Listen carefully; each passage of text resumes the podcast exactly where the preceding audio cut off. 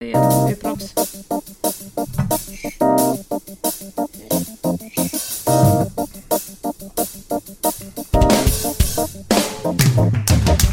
Från de solblekta stränderna i Santa Monica, Kalifornien. Mina damer och herrar, tillåt mig presentera Peppe Öhman, Magnus Silvenius Öhman. Det här är Magnus och Peppes podcast!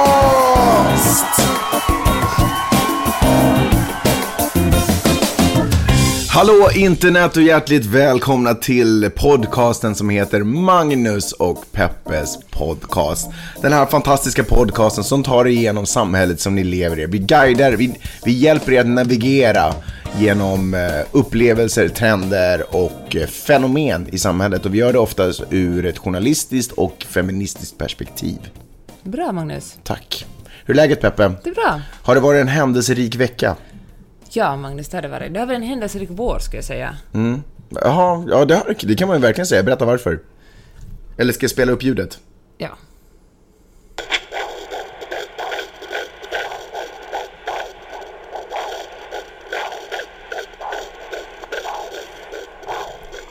Alltså, fatta att det bor ett litet liv i dig, Peppe. Det är sjukt. Hur känns det? Det känns eh, bra Du är ju en stor ett, fan eh, av att vara gravid. Ja, man Du känner här- sig som en riktig Du är ju kvinna. en bullmamma, kan man säga. Du är en sån här mamma-mamma som eh, älskar att, att värna om livet i... och få det... Eller vadå? Förlåt. Jag försökte bli ironisk, men det, men det gick bara fel liksom.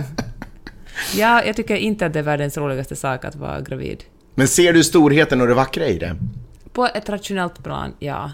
Men inte känslomässigt? Alltså också känns... Vad är du för en tycka- ka- Är du död? i- Har du, har du ett stenhjärta? Alltså jag förstår ju att det är fint med barn och det är ju ett mirakel och allt sånt som man ska säga. Men det är ju så otroligt tråkigt att vara gravid.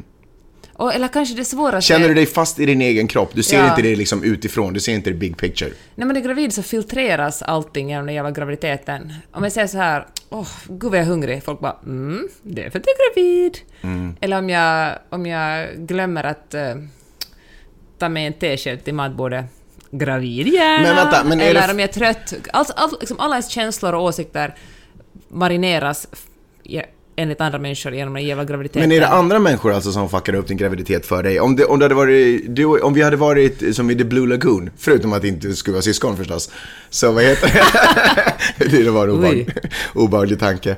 Eh, roligt att få tillbringa så mycket tid med dig i och för sig, men obehaglig Men det gör tanke. du ju annars också här i Santa Monica. Sant. Men anyways, eh, om vi hade varit på en öde ö och det inte hade funnits andra människor eh, runt omkring som hade liksom, det fanns inga förväntningar på hur man ska vara som gravid, hade det då liksom varit Ja, lättare? fan, det hade faktiskt hjälpt lite. Mm. För jag måste ju säga att, säga vad man vill om den här gamla skruttiga kroppen, men den brukar ju fixa grejer. Jag, liksom, jag litar på Eh, Ingenting det. är hemmet i och för sig, men, eh, men säkert som har med din egen kropp att göra. Vad menar du med det? Eh, Du, du, inte- din kropp brukar inte fixa saker i hemmet runt omkring. Det är ju jag som gör det. Men min kropp fixar sig själv liksom. Ja, det den. Jag har alltid känt att jag kan lita på min kropp. Det är Liksom. en väldigt den, egocentrisk kropp du har. Ja, den levererar liksom. Vill jag, vill, den, vill jag att den springer så springer den och så. Så det har jag verkligen ingenting att klaga på. Men alltså bristen på kontroll när man är gravid. Mm. Då vanligtvis brukar jag kunna kontrollera det, men då bara händer det saker som jag inte kan göra någonting Typ åt. vadå? Till exempel har jag fått jättestora bröst. Ja. Och, och min mage är jättestor. På, den är ganska platt på, på, på morgnarna, men sen längs med dagen växer den, så på kvällarna har jag en jättestor mage. Och, det är liksom, och så är den trött och i april mådde den jättedåligt. Men det är ju ingenting med funktionaliteten som har påverkats, eller? Du, Nej, nu var det ju kan- bara yttre att du pratar ju bara om någon form av... Ja, men så kan jag inte springa längre. Jag kände Nej, det nu. nej, nej. Nu är det slut på springande. Och jag vet, det här är ju super... Man får, så här får man ju inte säga. Mm. Alltså man ska vara supertacksam att vara gravid och det ena och det andra.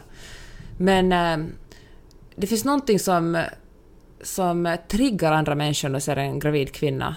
För de, folk vill genast börja berätta om sina egna erfarenheter. Alla som någon gång har haft ett barn eller en gång varit barn vill berätta om det för en. Mm. Och eh, nu kommer det ytterligare ett tecken på vilken vidrig människa jag är. Men jag är så otroligt ointresserad av andra människors graviditetsberättelser. Är det för att du generellt är ointresserad av andra människor, eller? jag skojar bara, det var för Nej, nej, jag, jag tycker faktiskt om... Jag, faktiskt, Ja. Du är ju journalist till och med. jag brukar ju fråga människor om olika saker i mitt yrke, Ja. min yrkesroll. Och jag tycker det brukar vara ganska bra socialt också med att fråga människor. Ibland känns Ja, det jag som vet, man... jag skojar bara, det var elakt. Förlåt.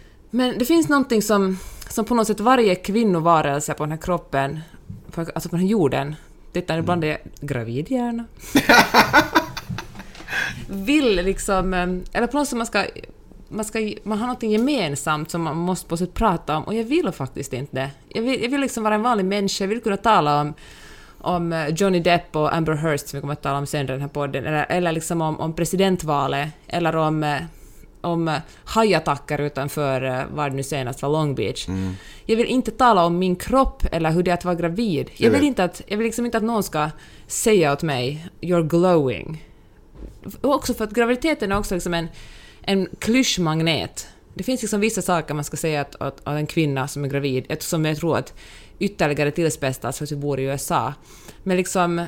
Och då säger alla det. Eller låter det bara mer klyschigt för att det kommer på amerikanska? Men vem säger “you're glowing”? Förutom alltså vår kompis Rich. Rich. Man bara, nej det är nog konfetti som någon har kastat. Liksom...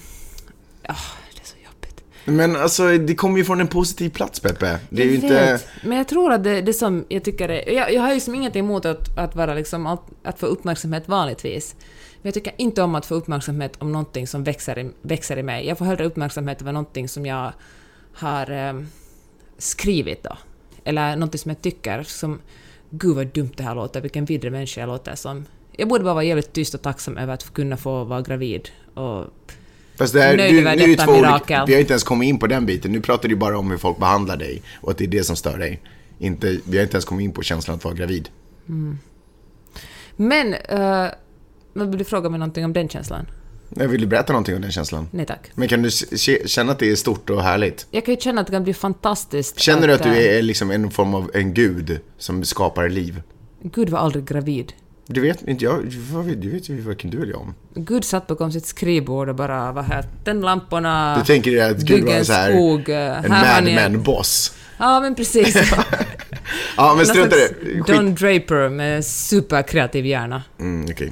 Han var inget liksom, ingen tjockis som jag. Jag som... tycker i alla fall att det är fantastiskt. Jag tycker det är så himla grymt. Jag tycker det är sjukt. Och det, vi har ju alltid sett oss själva som en enbarnsfamilj. Eh, och jag tycker det är så fantastiskt när livet bara ah, ah, ah, you didn't say the magic word. Men jag tror också det, att det är chocken. Liksom, för att jag har inte tänkt vara gravid någon mer. Jag kommer ihåg när jag födde Vidde var jag sådär att åh vad skönt att få det överstökat, nu kan jag aldrig mer göra det här igen. Mm.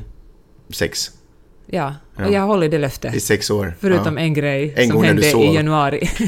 Nej usch. Man får inte skoja om sånt. Nej, man får inte skoja om sånt. Men hör du, det här är ju, får jag bara säga en, en sak som en liten brasklapp. Det känns, det är ju väldigt, allt man ser om graviditet och mitt så här, um, kanske kritiska, min kritiska inställning till att vara gravid är ju, känns ju väldigt det känns som folk skulle bli jättearga och ledsna för alla kan ju faktiskt inte bli gravida och så vidare. Och så vidare. Så, att, så det känns farligt att säga det, att man inte tycker om att vara gravid.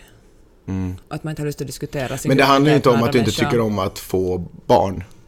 Det handlar ja, om att du sant. inte tycker om just det här tillståndet. Och återigen som vi kanske var nere på, du, handlar inte om, du, du, du tycker inte om hur andra människor behandlar dig som gravid. Ja men precis. För du har en kropp som tar hand om det mesta, som, som du sa. Eh, så det är inte så att du inte... Jag menar, du, du är ju ganska bekväm med din kropp ändå, måste jag ändå säga. Du rider. Får man säga det? Mm. Ja, det får man säga. Det är det sista jag får säga. Sen är podden slut. Ja. Men alltså, det, trots att det är världens mest naturliga sak så känns det verkligen sinnessjukt att det komma en levande person ut ur ens vagina. Mm. Ja, det är sjukt. Ja. Men, jag, jag, glider med, jag är mest eh, bara så jag är så fascinerad över hur lite jag kan kontrollera mitt eget liv. Jag vet inte, det känns som att vi lever i en värld där, där det coola är att man sätter upp ett mål tidigt och så strävar man mot det målet och så uppfyller man alla sina mål i livet. Och sen så dör man glad och lycklig för att man har uppfyllt alla sina mål. Och jag är så här, jag kan inte sätta upp ett mål. Jag, kan, jag, får ingenting rätt. Alltså jag får aldrig bingo. Men ändå på något sätt så vinner jag hela tiden. Det känns bara som att... Som vadå till exempel? Nej men som det här. Du vet, jag var fast bestämd om... För det första, jag skulle ju få barn mycket tidigare. var ju liksom någonstans lite tänkt. Det gick inte. Eller det blev inte så. Och så blev det så här, mycket bättre. Eh, sen skulle bara ha ett barn. Eh, känns sjukt mobil. Eh, känner mig... Känner dessutom lite sådär, inte som alla andra ungefär, mm. fast det är ju väldigt kräft att säga. Men, men det här fungerade så otroligt bra för mig. Jag är själv ensam barn, jag har inga problem med liksom, den grejen. Jag kan se massvis med fördelar med att Vidde skulle vara ensam och stark liksom. Eh, I sitt sociala spel. Eh, ja, men så blir det inte så heller. Så kommer det en ny kläpp. Liksom. Alltså, du vet, jag bara jag får aldrig rätt, men det, tack och lov liksom. Men tur att du är den i familjen som har en god attityd ändå. Ja, mig får man snacka såna här saker med. För jag lyssnar ändå inte. Nej, jag skojar bara. Nej, men... Eh, Okej, men blir det här så ironiskt? Vi snackar om hur tråkigt det är att diskutera graviditet och så börjar vi hålla podden med att tala om det liksom i tre kvart ungefär. hörru, förra, eh, förra gången vi hade podcast så pratade vi om att vara för gammal för att göra podden. Eller förlåt, inte för att göra podden. Gravid gärna. hej, eh, hej Freud. Nej, för, förlåt. att vara för gammal för att skaffa barn. Eh, nu är inte du så supergammal. Du är fortfarande under 40-strecket. Vilket är sjukt imponerande att jag är ihop med så ung kvinna. Jag Det är där... inte din stil faktiskt. Vad sa du? Det är väl din stil? Ja, Att vara ihop med alldeles för unga kvinnor. hur, hur menar du då? Vi ska inte gå in på det, det är så obehagligt. Okej. Eh, jag är ju en del över 40. Eh, och, Alltså 41. Nej, men jag är väl 42. Men du fyller Nej, jag 42. fyller 42. Ja, men Du fyller livets mening. Ja, det måste vi fira bara ur det perspektivet. Men, men, eh, men det som alltid, liksom, det som har oroat mig väldigt länge är ju, att- eller innan då jag skulle få mitt första barn, var att jag kommer vara gammal. Eh, och det är så fantastiskt också, det är en annan sak som liksom livet har lärt mig, hur, hur lite det betyder för mig nu. Att jag kommer vara 80 när, när vårt nästa barn är 12. Nej jag skojar bara, nej men så gammal men, men att jag kommer vara äldre. Liksom, det, hur, ja, för jag tänkte sådär, det viktigaste kommer vara att man kommer kunna vara ute och springa och spela fotboll och göra gymnastiska övningar tillsammans. typ. Jula till exempel. Ja men exakt. Och så märker jag hur otroligt mycket mer värdefullt det är, eller åtminstone minst lika värdefullt det är, att kunna erbjuda erfarenhet och kanske lugn och trygghet. Jag vet inte riktigt vad i vårt liv som symboliseras av det, men, men att kunna erbjuda eh, en mental stabilitet, ish. Förstår du vad jag menar? Lite livserfarenhet. Ja, men typ. Jag vill inte låta som Mr Miyagi, men liksom ändå... eh, Jag vet inte, men jag känner att... Eh, Det känns som att man snuvar ålderdomen på några år liksom. Istället för att bli så här boom medelålder så Mm. sugs man tillbaka in i, i småbarnslivet. och än så länge är jag inte helt ofysisk. Även fast jag kände att det värkte lite i handleden när jag försökte slänga ner Vidde i bakluckan på bilen igår. Ja, ja. Det om det. Vad ska vi prata om? Vi ska prata om eh, män som slår kvinnor. Ja, vad kul. Från eh, barnfödande till män som slår kvinnor. Ja, för det både verkar vara ett problem. Har du hört om en skådespelare som heter Johnny Depp? Nej, berätta. Vad har Han- han gjort? han Nämn fem, film, en- nämn fem filmer med Johnny Depp. Pirates of the Caribbean 1, Pirates of the Nej, Caribbean... nej, nej, inga Jag skojar sequels. bara, han blev känd med Nej, men 21 säg- Jump Street. Nämn fem filmer med eh, Johnny Depp. Okej, ehm, Gilbert Grape, Ja. Pirates of the Gilbert Caribbean. Grape heter han så? Ja. Ehm, alltså jag vet ju de, den här, de som spelade in i Venedig när han var den där handelsresande, något sånt på ett tåg mycket. Mm. Sen den där tecknade serien som Vidde just nu kollar på, den filmen... Um, är bara refer- ah, nej vänta, jag tänkte på Reality Bites, men det var ju Winona Ryder som, han, som var ihop med honom. Ja, Han har nu i alla fall gjort alla filmer i hela Oh världen. my god. Edward Cis- Alltså det finns ju många som helst. Edward Scissorhands, också klassiker. Nå, säg själv fem filmer då. Du har dessutom förberett dig på det här. Om Okej. du ska ge mig fem minuter ska jag komma på tio filmer med honom. Okej, den filmen som du var ute efter det var The Tourist. Just det. Och sen den andra filmen som du var ute efter, den animerade var Rango. Och sen så Pirates of the Caribbean. Nej, det får du inte säga. sen... Okej, skitsamma. Vi går vidare. Vi går vidare. Han eh, har... eh, han är anklagad för att ha misshandlat Amber Hearst som... Visst heter hon Hearst? Jag är rädd för att säga fel hennes efternamn. Som han var gift med i eh, 15 månader. Och... Uh, stormigt äktenskap. Heard heter hon, inte Hearst. Jag tänker på Hearst Castle där uppe i, i norra Kalifornien, men Heard heter hon, förlåt. Och eh, ja, det stormar mycket kring deras äktenskap och eh, bara några dagar efter att, hennes, eh, att hans mamma hade dött så gick hon ut och sa att hon vill ha skilsmässa. Och, och då började spekulationerna. Hon, var hon bara en golddigger? Alltså var det hennes mamma som gick ut och sa att hon, att hon ville ha skilsmässa? Nej, utan Johnny Depps mamma dog. Ah, ja, ja, ja, det ja, ja, sa, okej, sa ja. Heard att hon vill ha en skilsmässa. Och, och då började folk säga att vad kan verkligen den här underbara skådespelaren Johnny Depp, alla vet ju hur ljuvlig han är, han kan väl ändå inte misshandla en kvinna. Mm. Hon måste vara en gold digger eller hon, hon, liksom, det måste vara något fel här. Vanessa Paradis som eh, Johnny Depp var gift med i 15 år gick ut och sa att han är en, skrev ett offentligt brev där hon skrev hur underbar han är och liksom en massa andra ex-flickvänner gick ut och sa att, att nej, det här är inte den Johnny jag känner igen. Och, ehm, och så här är det ju liksom det är få av oss som är lika stora stjärnor som Johnny Depp, men när folk eh, anklagar en man, eller kvinnor anklagar män för att ha blivit för våldtäkt eller misshandel, så då finns det ju alltid ett visst tvivel. Hittar hon på det här eller liksom... För att det uppfattas som lika vidrigt att anklaga någon för våldtäkt eller misshandel som att verkligen utsättas för det. Men nu i veckan så gick... Eh, det hände alltså i slutet på maj som de här anklagelserna gick ut. Och eh, alla tidningar liksom spekulerade det här, men ingen gick liksom hårt ut och sa att Johnny Depp har gjort det här. Förutom plötsligt gick eh, People Magazine, som är, som är liksom den eh, största skvallertidningen, man får kalla den skvallertidning, men liksom den, inte men den liksom mest respekterade skvallertidningen som har bra relationer med massa av såna här A-list skådespelare. De gick ut och la på omslaget en bild på Amber Heard med blått öga. Som hon väl hade postat på Instagram. Ja, det, hade hon, ja, det, vet- jag faktiskt inte. Men den här bilden var från, från december i alla fall. Ah, Hon okej. sa att, att den här liksom misshandeln håller på ganska länge.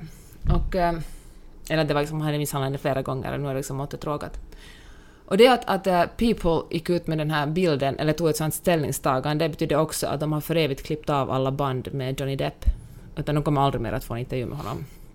För när eh, Amber Heard gick ut med de här anklagelserna först, då satt ju hela Johnny Depps PR-team igång och uh, la till exempel ut en bild där hon shoppar på Tiffany's och ler. Och var sådär att hur kan en, en kvinna som blir misshandlad i just filar för divorce ser inte ut så här glad och shoppar inte liksom, att hur kan hon vara så här glad efter något så hemskt? Och sen efteråt visade det sig att den här bilden var från i april, det var liksom en gammal bild som de hade spritt ut och daterat den som, som ny. Och, och man hävdade också att det var liksom den här John Depps PR-maskineri som uppmanar alla ex-flickvänner att skriva brev och gå ut och säga vilken bra typ han egentligen är.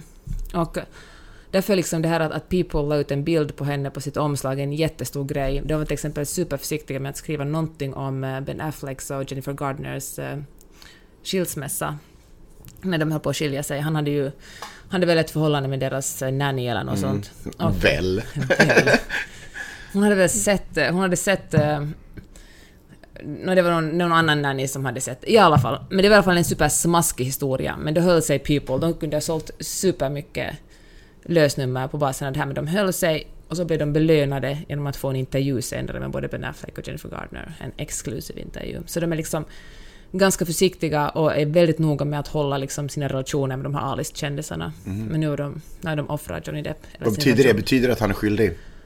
Um, jag tror det. Liksom det är väldigt...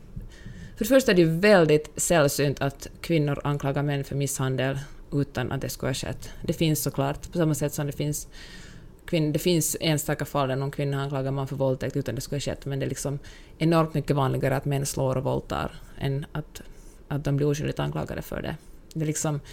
Plus att anklaga Johnny Depp för något sånt här, han är ju liksom en otroligt älskad skådespelare. Det är liksom ganska stor gambling för henne som är relativt okänd i jämförelse med honom, att gå ut med en sån här anklagelse och kunna, om det bara är på. Plus att han har ju väl, han har ju otroligt, han, han gjorde ju enormt mycket pengar med de här Pirates of the Caribbean-filmerna, de, det var ju de som var liksom riktiga kassakossor för honom. Men hon är ju också skådespelare, hon är liksom inte barskrapad precis. Nej, men eh, jag, alltså, um, jag tänker så här att även fast det här är sant eller inte så det här kommer inte påverka hans karriär. Jag tror att det här är för, det finns för mycket, um, på så sätt så har ju den här PR, jag börjar faktiskt, eh, jag var min första, min första reaktion, så här har det gått i mitt huvud, han är skyldig, varför, liksom, jag har inte alls svårt att se en eh, en stor känd eh, man komma lite till åren och börja ta ut svängarna liksom ordagrant. Eh, Jag har inte alls svårt att se, det hända och han är ju allmänt känd, alltså han har ju grymma alkoholproblem liksom. Jag har ju själv gått ut själv med att Ja, säga. precis, så det, så det är inte alls konstigt. Eh, Han var förresten i Sverige typ. Ja, han spelar i något band. Ja, det var så här typiskt, när han blir tillräckligt stor tror man att man blir musikalisk. Nej, men han har ju spelat i band hur länge som helst. Nu får du behöver inte kasta får- all skit på honom. Okej. Vilket fall som helst. Eh, Men eh, sen så, så börjar de här andra breven, de här eh, börjar figurera. Vanessa Paradis, precis som du berättade, och, någon, och hans polare, typ Doug, en, en, Doug Stanhope. Ja, precis. Som är en stor standup-komiker. Som hade varit hemma hos dem precis innan skiten Ja. typ träffade fläkten eller någonting sånt. Vilket fall som helst, det började komma en massa så här motstridiga uppgifter, som, eller så här försvarande brev. Och det var så här, ah, okej men du vet, kanske det här är en bluff, du vet. Kanske det är pengar med i spelet eller en form av bitterhet. Och de hade ett stormigt äktenskap och sådär. På det stora hela kan jag känna så här, det här är väldigt långt borta från min familj. Eh, allt kan vara sant. Det, de här människorna lever i någon sån la-la land. Eh, där det är så mycket pengar inblandade och så mycket ära och alltihopa inblandat. Så allt kan vara sant om vi ska vara helt ärliga. Så jag har ingen anledning att misstro att hon inte skulle ha blivit slagen egentligen. Eh, det som... eh, Men alltså vad har misshandel med liksom på något sätt pengar att göra? Det menar folk blir misshandlade i alla... I, jo, fast i det här fallet så kan det ju betyda att den här uh, breakup, jag menar, jo, ja, hon är framgångsrik och har en egen karriär, men deras break kan betyda en massa miljoner åt henne. Alltså, det kan ju, jag vet inte om de hade skrivit en prenup eller, jag vet inte. Jag menar, det finns en sån risk liksom, för det är så otroligt Ja. mycket pengar inblandade här. Det är inte som om någon i Finland skulle slå någon annan för pengarna skulle, du vet. Fast samtidigt är hon också ganska mycket i sin början av sin karriär och det kan ju vara ett sånt, alltså en sån gambling, det kan ju, det kan, han kan ju fälla henne. Hon, Jo, hon, absolut. Liksom, risken är mycket större att hon aldrig mer kommer att få jobba. Ja, samtidigt så är hon ju väldigt, ja, helt jag ärligt. tänker att titta som när Hollywoodstjärnor håller varandra om ryggen. Jo, det är sant. Men alltså, vet du vad? I'm good med vilken teori som helst. Helt ärligt, jag kände inte till henne innan hemskt mycket. Jag hade inte hört talas om henne supermycket Fast innan. jag tror att, eller har, jag, jag känner så här, vi kan ju sitta och spekulera, han verkar vara sån och hon verkar vara sån och så finns det folk som känner dem jättebra som Doug Stanhope som du uppenbarligen Mm. äter middag hemma hos dem och säger att han är så kiva. Alltså, han är så supertrevlig och snäll och charmig liksom, det, han skulle aldrig göra något sånt. Men jag tänker att hur bra man än känner en människa så kan den faktiskt ändå vara en Jo, våldtäktsman eller absolut. misshandlare. Man kan liksom Absolut. tänka, ens bästa kompis hoppas kan göra det liksom. Jo. Och äh, jag tänker att de här, hur mycket betyder egentligen sådana här vittnesmål? För det Mm. första vill man ju inte se sina nära vänner som någon slags monster. Och, för, och, äh, men så hinner, och människor förändras ju också. Jag vet. En, du vet, en Absolut. pojkvän kan vara på ett sätt i ett förhållande och sen är han en helt annan typ i ett annat, med en annan, sorts, med en annan människa. Jo, jag vet. Absolut. Olika människor kan dra ut olika sidor av en. Helt klart. Jag säger inte att det inte har hänt. Men det jag säger är att jag visste inte vem hon var innan det här Mm. hände. Och nu vet jag vem hon är. Förstår du vad jag menar? Johnny Att Depp hon kom- skulle ut det för något kändisskap. Jag säger då. inte att hon skulle gjort det för något kändisskap, men jag tror inte att det är, har, liksom, nej, absolut inte. Eh, eller, fast vad fan vet jag? Jag vet inte hur folk tänker här i Hollywood. Alltså det är såna, det är så, det är så otroligt främmande värld just på, liksom, det är så mycket som är inblandat, liksom, som är värt så otroligt mycket. Kim Kardashian, det enda hon är känd för egentligen är ju för att hon la upp en sexfilm på nätet, liksom. En privatfilm med någon annan kändis, typ. Hon är också bara känd för att hon är känd, liksom. Fast det är en stor skillnad på att anklaga någon för ett sånt här brott och speciellt där, eh, alltså, där, där man blir ifrågasatt. Att anklaga Johnny Depp som, är, som verkligen folk älskar så otroligt mycket. Jo, men grejen är att det kommer inte påverka hans karriär ändå. Det enda Nej, det men jag kommer menar göra är... hennes del, liksom, hon har så otroligt mycket mer att förlora än... Vad har hon förlorat? Hon har ju Nu, nästan... hon, är ju- nu håller ju folk på och liksom kalla henne för gold digger och att hon hade hon... Där PR-maskineriet gick ut och sa att hela Johnny Depps familj hatade henne från början för att hon var så vidrig människa. fast hela, liksom- hon har ju till och med, du vet, hon har ju People på sin sida. Hon har ju en av de Nu- största nu tidningarna. Alltså, nu har hon det. Men Jag det visste hon, hon ju inte när hon gick Nej. ut och anklagade. Hon kunde, det kunde hon ju inte förutse. Nej, nej, Plus nej, att jag nej. tror faktiskt det finns, alltså jag tror att uh, Hollywood-klicken är sådär som vet du, medievärlden i Helsingfors och, och Stockholm. Ja, du vet att de fryser ut den här. Ja, man, Johnny Depp är kompis med stora regissörer och vill du jobba med honom på nästa film då kommer du inte att anställa henne och så vidare. Så vidare. Ja. Så det kan ju vara att hon får spela liksom, att hennes karriär nu för tiden är liksom såpoperor i Mexiko. Mm. Om hon kan spanska. Du har faktiskt helt rätt. Men det jag egentligen faktiskt skulle säga, jag hamnade in på ett litet eh, dumt sidospår där. För jag vill inte alls påstå att, hon inte, att det inte skulle vara sant. Jag, jag är ganska säker på nu att hon har fått stryk. Eh, men eh, det jag skulle säga var att det, det Johnny Depps PR-maskineri har gjort som är på sätt och vis eh, vidrigt egentligen och, och ganska smart är ju egentligen samma sak som det slog mig när vi pratade om den här sockergrejen för kanske förra podden eller för förra. Eh, hur de hade gjort, anledningen till att vi fortfarande har så mycket sockerprodukter är för att varenda gång det kom ut en undersökning eller någon form av forskningsresultat som tyder på att socker är värdelöst och vidrigt så kom det genast ut från sockerindustrin en artikel, eh, typ i samma tidning, eh, där det stod ja ah, men du vet, man, det här, de har de här fördelarna och det här för, Du vet, alltid en artikel som gjorde att det Man blev... ifrågasätter Ja, liksom precis. Så att, så att den allmänna bilden var så här, ja, ah, å ena sidan, men å andra sidan. Så man fick, man, som, som betraktare fick man aldrig möjlighet att vara så här, ah, det är så här. Mm. Liksom. Det var aldrig en ensidig, eh, en ensidig vinkling på det, utan det fanns hela tiden möjligheten att det skulle kunna vara på det här sättet. Mm. Men det är och, det är ju vänta, och det är egentligen det som har hänt här nu också i den här rapporteringen. Hon har gått ut och bara, boom, det här är det som har hänt, publicera bilder på Instagram. Publicera bilder på Instagram om man får smäll. Är det verkligen strategin? Det är kanske den generationens strategi. Mm, kanske. Anyways. Alltså det är ju ett enormt sätt att nå ut Jo. folk. Jag vet. Eh, Också ett enormt sätt att smutskasta Ja, Men, men, kanske hon känner sig desperat också. Hon bara, hur fan ska jag nå ut? Liksom, Ja. Ingen journalist kommer att lyssna på mig för de är så rädda för att bryta banden med Johnny Depp. Okej, jag har min eget, mitt eget Instagramkonto. Mm. Här är det jag som... Kon- och då, det är ju också ett sätt att kontrollera texten och bilderna. Hur man... Hur man eh, på vilket sätt de kommer ut. Mm. Istället talar hon med en, en annan part så då, då liksom... Kan de vinkla och göra Ja, vad men de då. Mm. filtreras ju den journalisten eller vilken som helst. Jag menar, publicerar hon det i sin egen, i sin, i sin egen kanal har hon total kontroll över det. Mm. Men så nu, det som egentligen nu då har hänt är för varenda, för varenda eh, liksom sak hon har publicerat som har visat att det gick till på det här sättet, allting hon har sagt och sådär, så har det kommit ut något motsvarande från Johnny Depps läger Mm. där de har antingen Vanessa Paradis eller du vet Doug Stanhope eller något liknande eller, eller eh, vad fan det nu än är, något motsvarande budskap och någon förklaring till varför det här är och hon är galen och bla bla bla Ja. bla bla. Så nu finns nu har de ju skapat den här eh, det finns en doubt, vilket betyder att det kommer alltid förmodligen vara okej att anställa honom vidare. För det kommer alltid Man kan inte luta sig tillbaka på att Doug, Doug Stanhope Ja, jag är ganska säker på att inte, han inte kommer fällas i en domstol för att han har slagit henne eller någonting. Det finns, Han betalar, han får kanske settle på något det sätt. finns säkert, jag menar, han, det här är inte, det är inte Bill Cosby-fallet, kan jag känna. Liksom. Nej, men han... Fy fan så vidrigt. Ja. Um, Okej, nu, män alltså. Vidriga varelser. Inte alla män. Men sen är det också sådär, jag menar, det här är ju superdjupt vatten. Men när man säger så här, ja, någon har eh, slagit någon, då får man ju en känsla av att han har suttit i gränsle och i MMA-stil matat i ansiktet. Va, så du menar att om, kanske, bara, kanske hon förtjänar en liten örfil? Nej, men det, Han kolla. hade kastat sin telefon ibland. Ja, han hade kastat sin telefon. men det, du vet, den kan ju ha träffat, och han kast- kastade i vredesmord och den kanske träffade olyckligt liksom. Det är Nej, klart men han har ju, hon har ju sagt att det hade hållit på från det, Ja, alltså, det, det var ju, hon, och plus att hon har dokumenterat det alltså. Jo, jo, jo, det, finns, det var ju inte en enstaka gång. Nej, nej, nej. Plus att enstaka gång är en gång för mycket också. Jo, jo, jo, jo, Jag menar, det absolut. finns ingenting.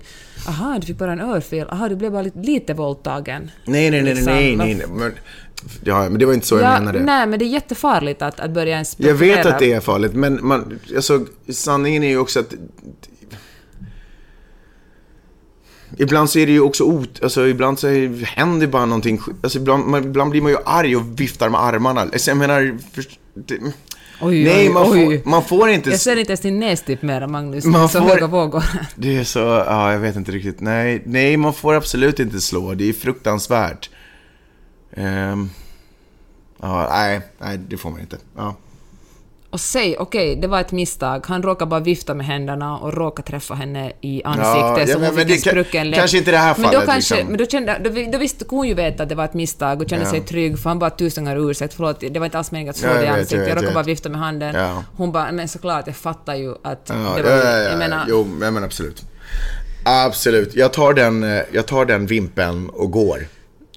Lämnar lokalen. Uh, Miss Finland eh, som heter, eh, eller hette Jessica Ruokola, hon, har, hon blev utnämnd Miss Finland i, i tidigare år och ganska kort därefter blev hon misshandlad av sin partner, riktigt ordentligt tydligen, så mycket att han hamnade i fängelse. Och uh, media frossade tydligen i det här. Och uh, så kom han ut och den här kvinnan, Jessica Ruokola, fortsatte att vara ihop med honom. Det är väl också väldigt vanligt att man fortsätter att vara ihop med sin... Alltså det, det handlar om en sån psykisk misshandel att kvinnor som blir slagna av sina män har svårt att lämna dem. Och att eh, skuldbelägga dem för det är liksom bara att, att dubbelbestraffa dem. Det här vet du ju, Magnus. Mm. Nå, I alla fall så fortsätter hon att vara tillsammans med det här svinet när han kom ut från fängelse och det här ledde till att, eh, att hon förlorade sin titel som, eh, som, eh, som Miss Finland. Varför då? För att det passar sig inte som Miss Finland att eh, ha en man som misshandlar henne. Va? Ja, Hur kunde hon straffas för det? snacka om trippelbestraffning. Och eh, den här kvinnan som, är- som är sån här B-kändis i Finland som tydligen ansvarar för, för Miss Finland heter Martina Aitiolehti. Om man ska vara supersnäll ska man kunna säga att det är liksom Finlands Kim Kardashian, men det vet jag inte. Om man är snäll mot henne eller ond mot Kim Kardashian eller man... Men jag tror att det är någon slags relevant jämförelse. Och... Eh, ja, så hon säger bara så här att, att, eh, att, att hon gjorde det för att skydda den här... Hon gav sparken åt den här Miss Finland för att skydda henne eftersom den här mediauppståndelsen inte passar in i hennes liv just nu, så det är nog bäst för henne att hon avsäger sig titeln. Och... eh, ja, vad, vad känner du när jag berättar det här för dig? Det är ju superkonstigt. Vilken, eh, varför fick, han borde ju fått sparken från sitt jobb istället. Varför skulle hon straffas för det? Det låter ju supermystiskt. Alltså det är så otroligt, vilken, alltså vilken trippelbestraffning för den här stackars människan. För att du blir slagen kommer vi att ge dig sparken nu. Ja. Det passar sig inte för dig att bli slagen. I di, yrkesrollen som vi har lagt upp den tycker inte att det passar sig att du blir slagen, därför får du, måste du avsäga dig titeln nu. Jag får så associationer. Och finns det fortfarande någonting som Miss Finland? Hur finns det någonting, finns det en tävling där man dömer, bedömer folk på basen av hur de ser ut? Men det där, eh, no, Det kan det, kan, det kan vi också snacka om. Men det där ger mig så associationer till eh, någon, så här, någon liten konservativ stad i södra Texas, typ. Där, där man istället för att... Eh, du vet, man har, man har en, eh, en mall för hur samhället ska se ut och hur, hur, den här, eh, hur husen ska stå uppradade och alltihopa. Och sen om det faller utanför mallen så då tar man då gör man de här små justeringarna för att, det ska, för att allting så För att snabbt... slipa upp det så att det ser bra ut på För de är utsidan. fortfarande en man och en kvinna som bor i ett hem. Så okej, så den, mall, den sitter ju bra i mallen, så det kan vi inte rucka på. ah, men sen så är hon ju den här Miss Finland-grejen. Okej, men Miss Finland, ah, men vänta, det här passar inte. Ah, men då tar vi bort den biten istället. För att bara lyfta de två åt varsitt håll. Och säga att du, har ju, du får ju inte vara, ni får inte vara tillsammans liksom. Här kommer mitt förslag.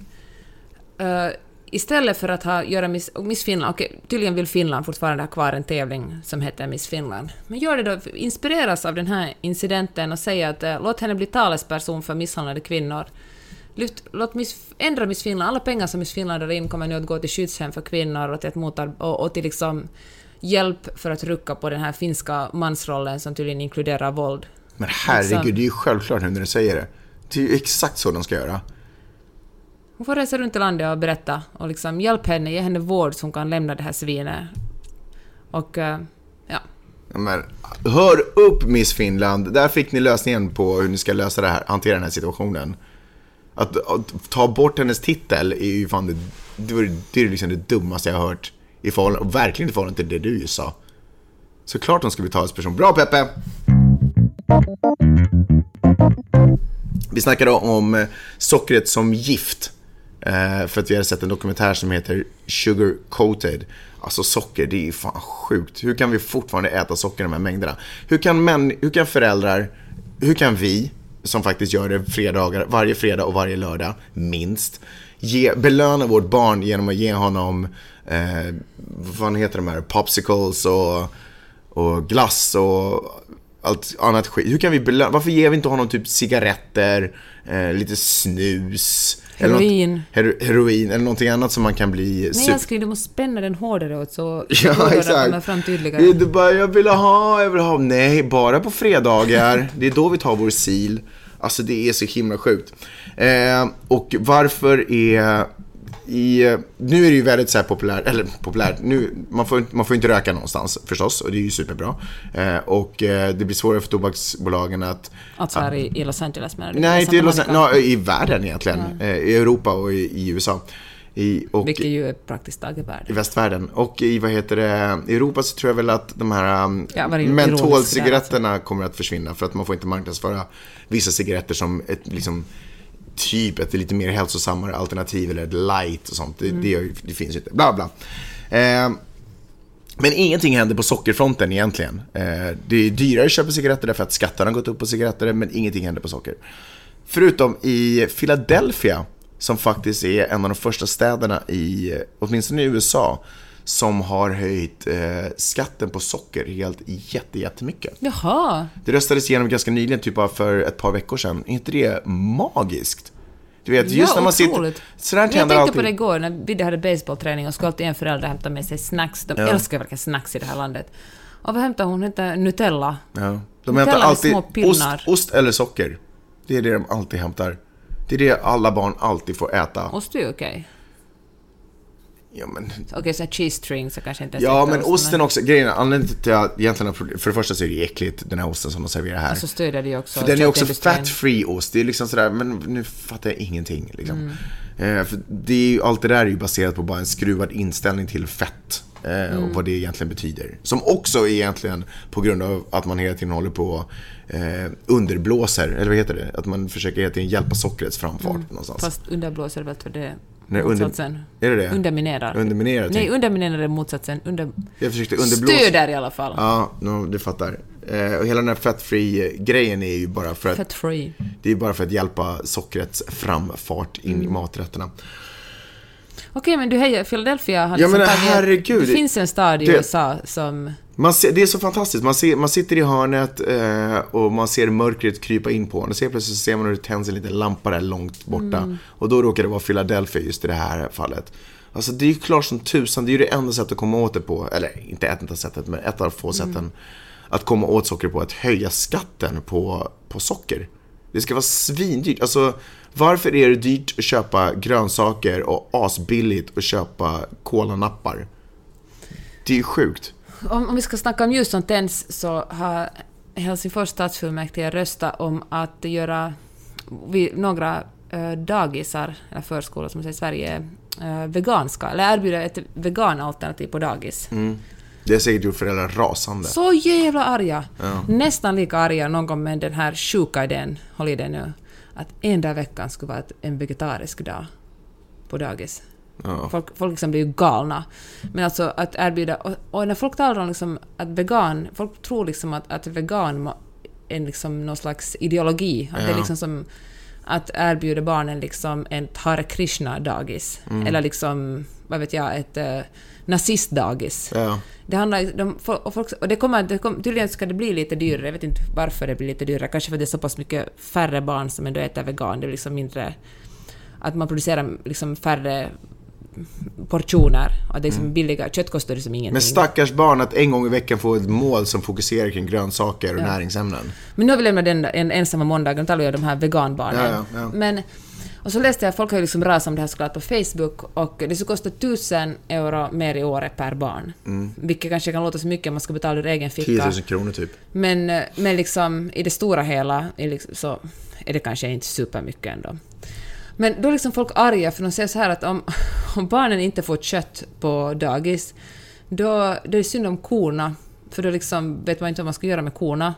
Och om man inte vet om, om, alla börjar äta vegetariskt eller veganskt, så då, eh, då förstår man att det, natur, det naturliga kretsloppet då slutar insekterna leva och då slutar fåglarna leva och då slutar det växa grejer. Folk har så otroligt lite koll på, på jordbruk att de inte förstår att det som hittar på att vi ska äta kött tre gånger om, tre gånger om dagen är liksom en ganska ny företeelse och det är någonting som vi har hittat på. Mm. Och ska vi vara helt ärliga så fanns det mer blommor och träd innan vi började äta kött. Än vad det gör nu. Men Och precis. garanterat fler insekter också. Det är synd om kossorna för då måste man döda alla kossorna. Mm. För då har man inte nytta av det mera. Det sitter nog någon eh, snubbe i cowboyhatt och äter upp dem också. Ska, vi behöver inte vara oroliga. Ja, men ändå måste jag säga att det tändes ju ett, precis som i Philadelphia tändes det ett litet ljus här, liksom också i Helsingfors, att det ens kom fram ett sånt här förslag Mm. att erbjuda veganmaten ett riktigt alternativ, veganbarnen ett riktigt alternativ. Man skulle såklart inte tvinga alla barn att äta vegan, utan Nej, men vadå tvinga? Det handlar ju om att äta grönsaker. Men det var, det var faktiskt en bra point, jag hade inte tänkt på det där. Att man ser det som en ideologi, liksom. Att man, man tror att det är någon form av, att det kommer med ett buddha-paket eller någonting annat. När det egentligen bara handlar om att äta hälsosamt. Ja, och det på långsiktigt också kunna bevara... Alltså köttindustrin är ju den som förstör mer än flygindustrin. Ja. Alltså det är det största problemet med koldioxidutsläpp. Men folk, eh, folk tycker att vi måste spara in de här pengarna, men... Eller det kanske också ett slags kortsiktigt seende? Det blir lite billigare i statsbudgeten nästa år om alla äter exakt samma korv. Men, om, men ingen liksom ser de miljöaspekterna inom 10 eller 20 år. Mm.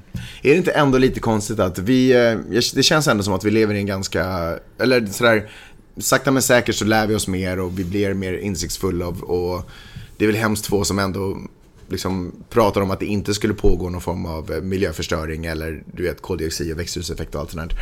Eh, Men ändå så äter vi mer kött hela tiden för varje år och vi ko- liksom konsumerar mer för varenda år som går. Är det inte liksom konstigt? Förbrukar mer energi och allting. Är inte det superunderligt egentligen? Att det är som att vi, vi, det verkar som att vi bara pratar mer.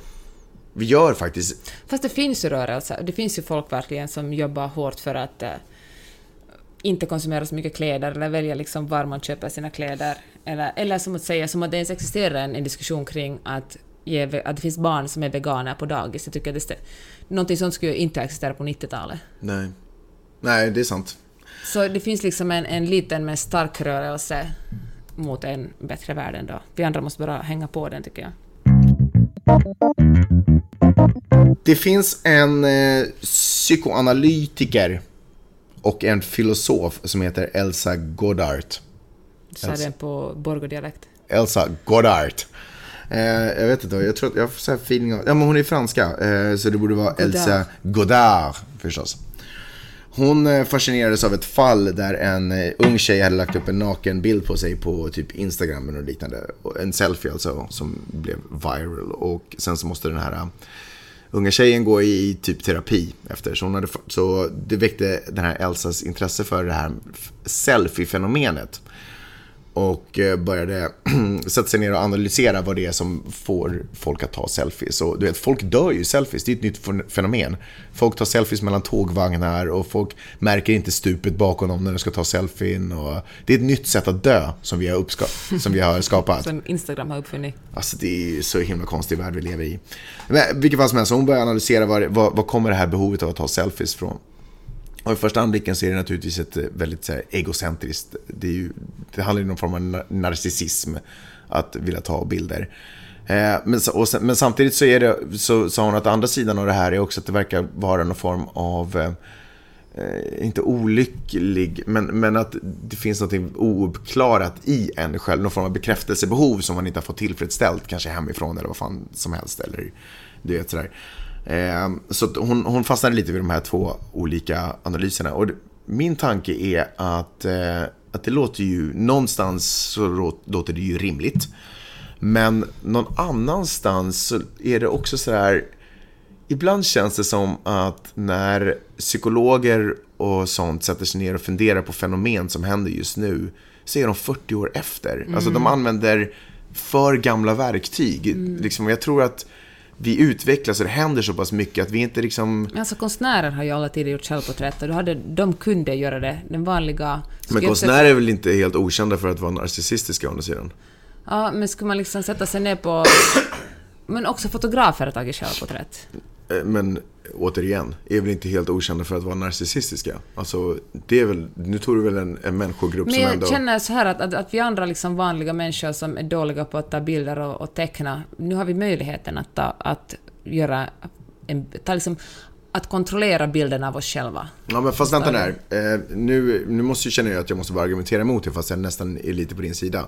Men grejen är att det som kanske skiljer dåtiden mot nutiden är att då, så med jämna mellanrum så föddes det en eh, ung pojke eller flicka med en stark drivkraft inom sig själv att utforska världen och sig själv. Eh, utvecklade säkert någon form av narcissism eller kanske genom narcissismens glasögon börja betrakta sig själv och försöka fundera på vem man är som människa, ta hand om existentiella eh, problem och kommunicera ut de här genom form, några olika konstformer, fotografering eller målning eller vad som helst. Det som skiljer mot nu är att nu föds inte en specifik människa här och där med det här behovet utan nu är det en trend att vi alla ska ägna oss åt det här. Men alltså, så vi, hade forceras in bara, i det här. Men vi hade ju kanske inte bara verktygen menar jag Men vadå, alla tiden. har väl haft en pinne och en möjlighet att skapa? Nej, men, ja, men att försök, tycker du, det är ju ganska svårt att teckna av sig själv, eller att ta ett självporträtt på 20-talet till exempel. Men vad snackar du om nu? Att det fanns helt enkelt, nu finns verktygen, nu har de flesta av oss en telefon där vi kan ta bilder av oss själva med. Men för uh, freaking 20 år sedan fanns inte den möjligheten. Därför är det vanligare med selfies nu. Det handlar inte om att folk är mer större narcissister nu än då. Ja men fast, jag, nej men grejen är att nu är ju narcissismen en trend. Alltså nu är det ju allmänt, det är ju liksom ett... Men varför, varför liksom det är också på att, att säga att selfies per definition är narcissism? Det var ju det som du själv sa i början. Jo jag att vet, men, nu, jag vet, men sen så börjar du argumentera konstigt för din sida så nu måste, känner jag att jag måste ta den andra sidan för att Ja, bara men nu går det reda ut- dåligt för dig, för nu börjar du ha fel i den här argumentationen. nej inte alls, jag tycker, nej nej nej, det är inte, Men alltså, det här är den samma undersökningen som visar att folk som tar bilder av selfies är mer, tycker generellt att de är snyggare än vad de är på riktigt. det här är för det första ingen undersökning, det här är bara den här Hennes teori fil- liksom. filosof, alltså hon har studerat Hon bara- det här, hon är intresserad av det här med selfies liksom. Jag tycker- Vad är det som får, alltså det är viktigare att vi får den här bilden än att vi ser oss omkring i vår omvärld. Alltså för det selfies gör är att de på något sätt inte, vi betrakt, det här kanske också skiljer lite från konstnärens perspektiv på det. Därför att om vi till och med dör, det var hemskt få konstnärer som gjorde självporträtt som dog under tiden. Medan vi är så upptagna med vår egen Det är ju självbild. ganska sällsynt att folk som tar selfies också dör av det. Ja men det Fine att händer. det har hänt, men liksom det är ju... Ja men, fast oftare än vad du tror, jag lovar. Googla statistiken så kommer du se att det är oftare än du tror. Åtminstone så är det oftare än vad, det, vad som händer när folk målar ett självporträtt av sig själv. Fine. Så, för det som händer är att vi är så upptagna med vår, eh, yt, vår, vår bild att vi inte betraktar omvärlden runt omkring oss. Förstår du vad jag menar? Vi släpper verkligheten. Jag tror att det här är någonstans det som hände med henne, eller det som hon kom fram till. Eh, att vi släpper omvärld, den, riktiga verkligheten runt omkring oss och bara betraktar oss genom det här lilla fönstret. Vilket också gör att vi dör, därför att vi ser inte på riktigt vad som händer runt omkring oss. Okej. Förstår du symboliken i det? Ja, men jag tycker ändå att det är lite långt dragen. Liksom, det man vill tycka så här och så hittar man på argument för det. För det att man tar en selfie, nu är jag ju faktiskt, jag, jag känner, det är säkert min generation, men liksom jag känner faktiskt ett lätt skam varje gång jag tar en selfie. Jag är ganska dålig, jag är liksom sämre än du på att ta selfie. Du är ganska bra ändå på att ta bilder på dig själv. Men jag tror liksom att, att man Jag kan... blir fotograferad i så många olika situationer så jag är ganska van vid den där uppmärksamheten. linsen, kameralinsen. Men jag, jag tror alltså, man kan ju både ta en bild av sig själv och vara uppmärksam liksom två sekunder senare på världen omkring en. Det ena utesluter inte andra. Och kanske det är bra att kolla lite på sig själv ibland, fundera, vem är jag? Exempel- Ja, för det, ja, ja, precis. Ja, men för det är ju det man gör när man tar den där selfien. det är därför du har svårt att ta selfie, för varenda gång, varenda gång du ser dig själv genom fönstret så bara vem är jag? Va, vad står jag för? Det Okej, kanske folk inte tänker exakt Nej, det men när de tar herregud, selfies. kamma dig, det är Men klart att de jag gör. känner så här, good for you. Tyck att ni är snygga och ta selfies av er. Liksom, varför inte? Kör hårt. Det är också ett sätt att ha kontroll över sin egen bild eftersom det finns kameror och bilder överallt. Ta en bild där du ser fin ut och, och ha kontroll över den själv. Det är, varsågoda. Det är Eh. kanske en, eh, en, enligt dig Magnus, en extrem sport att våga ta de här selfiesarna. Man får alltid räkna med att döden lurar bakom badrums... eh, Vad heter det? Duschdraperiet eller vad man nu dör när man tar selfies. Men det kanske är värt det. Är du färdig med ditt raljerande nu? Hon får stöd av en annan psykolog som heter Dr. Tanya Byron som, som å andra sidan i sin tur också varnar för den, den sexualiserade eh, selfien. Att eh, vi håller på att skapa de här eh, virtuella personerna av oss själva och eh, i verkligheten så bara blir vi ensammare och ensammare och eh, gör ingenting, men, men, så, men vi lever igenom de här små gluggarna där vi eh, presenterar världen och hur lyxiga vi är och fantastiskt coola vi är. My, hashtag my Hollywood lifestyle och hashtag blessed och... Men folk gör ju säkert... Folk har säkert aldrig gjort lika mycket nu som tidigare i historien. Rest, ätit, träffat människor, levt. Har folk aldrig levt lika mycket som vi gör nu? Nej men tänk hundra år tillbaka i tiden, då träffar man kanske 200 människor under hela sitt liv. Nu är det liksom få. Jag menar, nu träffar man så, så många människor under en vecka. Liksom, förstår du? Jag menar, folk gör ju otroligt... Det finns ju möjligheter Men du börjar prata om saker. andra saker som människorna är duktiga på. Du tar ju inte... Varför kan vi inte fokusera på selfie-grejen? Men på något sätt handlar det också om... Jag tycker att selfie-grejen går hand i hand med sociala medier-grejen. Som om sociala medier skulle vara liksom någon slags... eh, Och nu pratar Parallell du om, värld. Dra inte sociala medier för det där. Ta fenomenet selfie. Du försöker, alltså när jag pratar om, när jag diskuterar någonting som är men problematiskt... nu som sa du att folk inte gör någonting, att man sitter i sin egna kamera och bara Nej, jag, sig själv jag säger refererar till vad. Dr. Tanya, doktor, mind you, Tanya Byron, har funderat på det här. har funderat på det här. Och, verkar uppleva, säkert inte, hon har säkert inte suttit och funderat på det här genom, ett, eh, genom en egen liten... Hon har säkert studerat det här och märkt att det verkar som att folk har problem att eh, leva sina liv i verkligheten därför att de hela tiden skapar sina ouppnåeliga liv på, genom selfies. De fotograferar alltid de perfekta situationerna, skapar perfekta situationer som de fotograferar och deras egna liv blir på efterkälken. Ja, jag förstår mig inte alls på det. Är det för att du inte förstår det på selfie-grejen eller är det för att du inte fattar argumentationen? No, för det första tycker jag nu, att du nu pratar om två olika saker. Att man skapar sitt perfekta liv, lägger upp jättevackra bilder på sin mat eller på liksom vad man reser. Det är ju inte en selfie.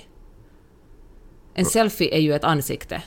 Ja men jo, rutan. men, man kan ju, men det ansiktet kan ju finnas i en miljö. Men Alltså, du måste ju befinna dig i den miljön och då har du ju per definition, du tar ju inte selfie liksom 24 timmar om dygnet tar du ju bara inte en selfie på dig själv. Du måste ju leva i den där miljön däremellan selfiebilderna. Då är du ju där. Good for you! Och du vill skapa ett vackert liv omkring dig för att kunna ta snygga selfies och få många likes. Men om, men, du vet, men om det inte är det riktiga livet. Vad är det Om man riktiga bara livet då? sprungit upp till Johnny Depp och hej får jag ta en selfie? Jag hänger med Johnny Depp. Men du, varför är det inte... Det är ju ditt riktiga liv eftersom du är där då på den, i den stunden. En annan grej som de, någon av de här, jag orkar inte scrolla ner i den här texten, en annan grej som någon av de här kommer Det fram måste till. vara höjden på lättja. Jag orkar inte röra mitt pekfinger två jag centimeter. scrollar ner då.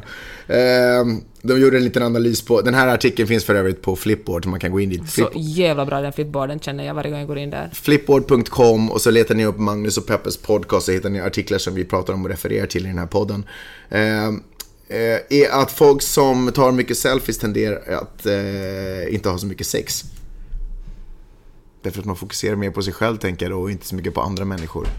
Jag tycker att kvinnor borde fokusera mer på sig själva. Hör du, du sa när du sa den här andra eh, doktorn, sa du att hon upplever det här.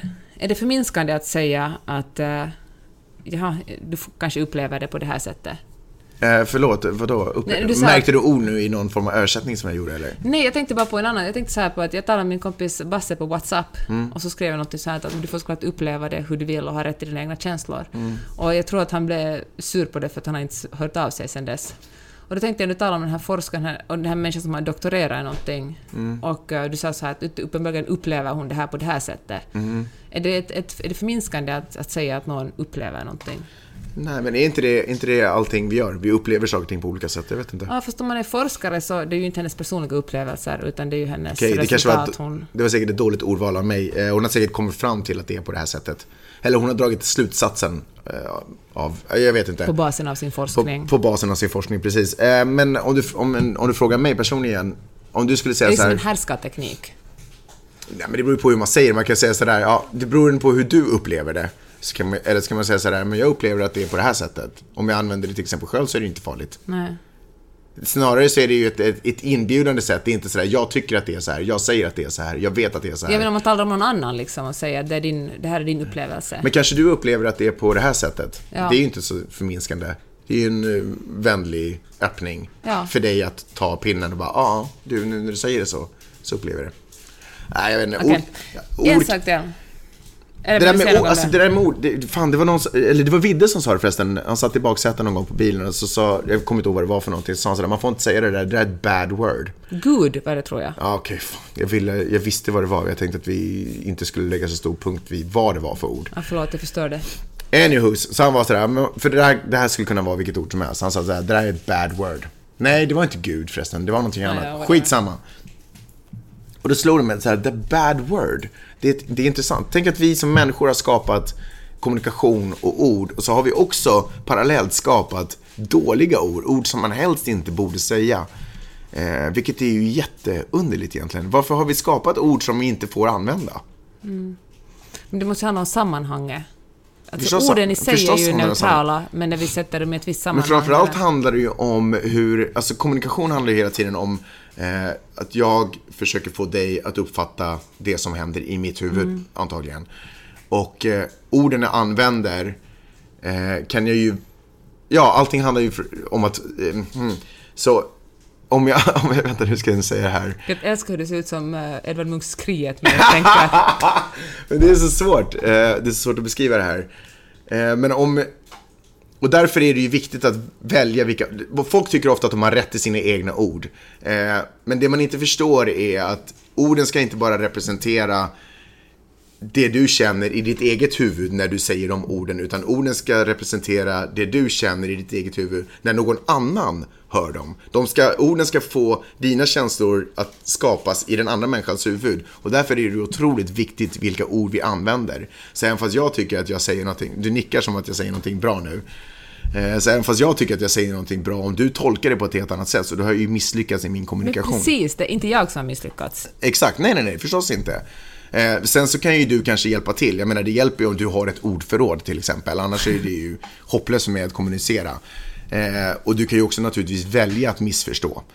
Men eh, i bästa av världar så, hjälp, så försöker kommunikationen gå så smidigt som möjligt. Där vi försöker översätta våra tankar och bilder i våra huvuden. Och därför är ord jätteviktiga.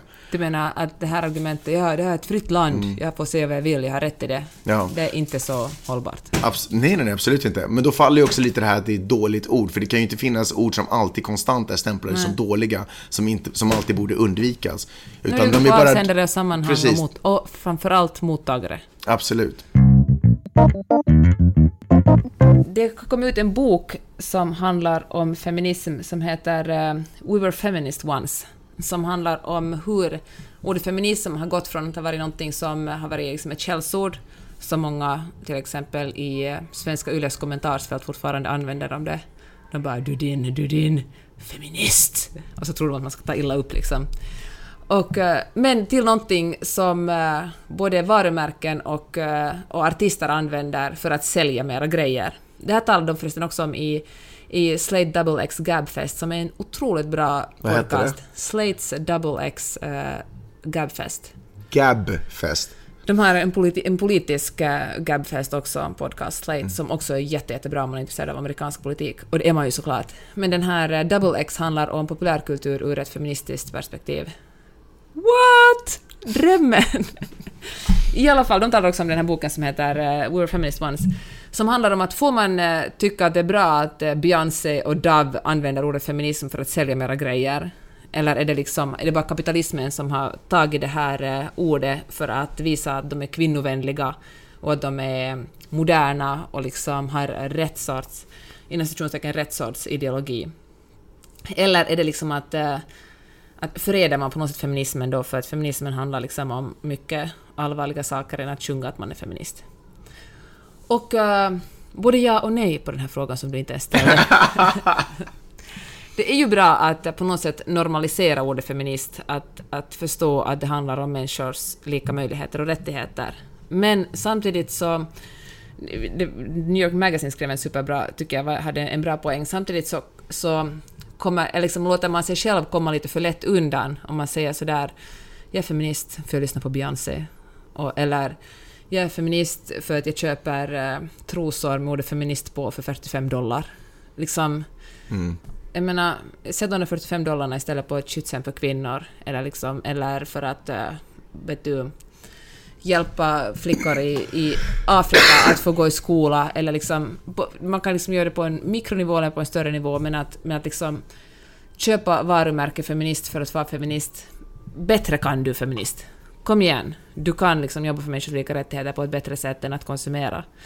Men samtidigt, fine Beyoncé, tack så mycket för att du ändå sprider det här ordet och gör det coolt och får folk att liksom kanske till och med googla det och kolla vad Wikipedia skriver och förstå att va, feminister, feminister är inte samma sak som manshatare utan det är någonting som, som handlar om, om människors lika rättigheter. Och inte helt dumt att gå omkring med ordet feminist tryckt någonstans på sin kropp och vara, vara en representant för eh, att ordet norm- normaliseras. Och visa Mm. att det är många där ute, vi är många där ute som är feminister. Precis. Eller hur? Så det borde ju vara okej att få ha trosor med feminist tryckt på. Ja, men det beror på hur många som ser dem. Mm, men om man är en, liksom en manslut eller en slut. Hörru, eh, du, du har snackat i något skede att du ska göra en, eh, innan vi åker tillbaka till Norden, du ska göra en keps där det står feminist på. Ska du göra det nu? Ja, jag har lite kommit bort från det. Jag har faktiskt glömt bort det. Kanske jag gör det. Kanske jag gjort. Kanske jag gjort, kanske jag gjort. Eller sätter du de pengarna på att stödja kvinnor? Den här, vad heter hon? Vad Eller kanske, varför inte, att eh, luckra upp mansrollen? Luckra upp mansrollen. Du vet alltså, alla, ingen är fri i patriarkatet. Också män drabbas ju av att vi lever i ett patriarkat. Ja. För att nu, nu återgå... Vadå? Nej men visst är det, man ska, måste vara... Jag tror att liksom mansrollen på många sätt är mycket snävare än kvinnorollen. Mm. Det är därför som så många män, som till exempel Johnny Depp och den här eh, Miss Finlands snubbe tar till våld. För att män, eller små pojkar helt enkelt inte lär sig hur man ska kommunicera ut sina känslor. Man kommunicerar ut dem med våld. Mm. Apropå mäns eh, problem att kommunicera ut sina känslor så kan jag rekommendera en tv-serie som går på Netflix som heter Aquarius, som är faktiskt superbra. Har ingenting med feminism att göra, det handlar egentligen om, eh, Manson-familjen. Ett mord som sker där. Skitsamma. Superspännande. Eh, hörni, tack. Måste vi städa? Nu måste vi verkligen städa. Vi har mycket att göra den här dagen. Tack så hemskt mycket för att ni har lyssnat eh, den här veckan. Det har varit fantastiskt roligt att vara tillbaka i era öron och jag hoppas att ni också uppskattat det och fått lite matnyttigt. Nästa vecka spelar vi in i Stockholm, Sweden. Mm. Är det så att ni håller med oss så uh, let us know. Och håller ni inte med oss och vi tar diskussion om någonting så dra åt helvete. Nej jag skojar bara. Så uh, låt oss veta. Ni kan nå oss på Twitter och Facebook och Insta och du vet överallt. Och gå gärna in och skriv en recension på iTunes. Ge oss några stjärnor. Helst fem naturligtvis. Det är jättekul. Och sprid ordet om podden. Så fler får matnyttigt och vettigt i sitt huvud. Tack för att ni har lyssnat. Vi hörs nästa Tack så vecka. mycket. Hej då!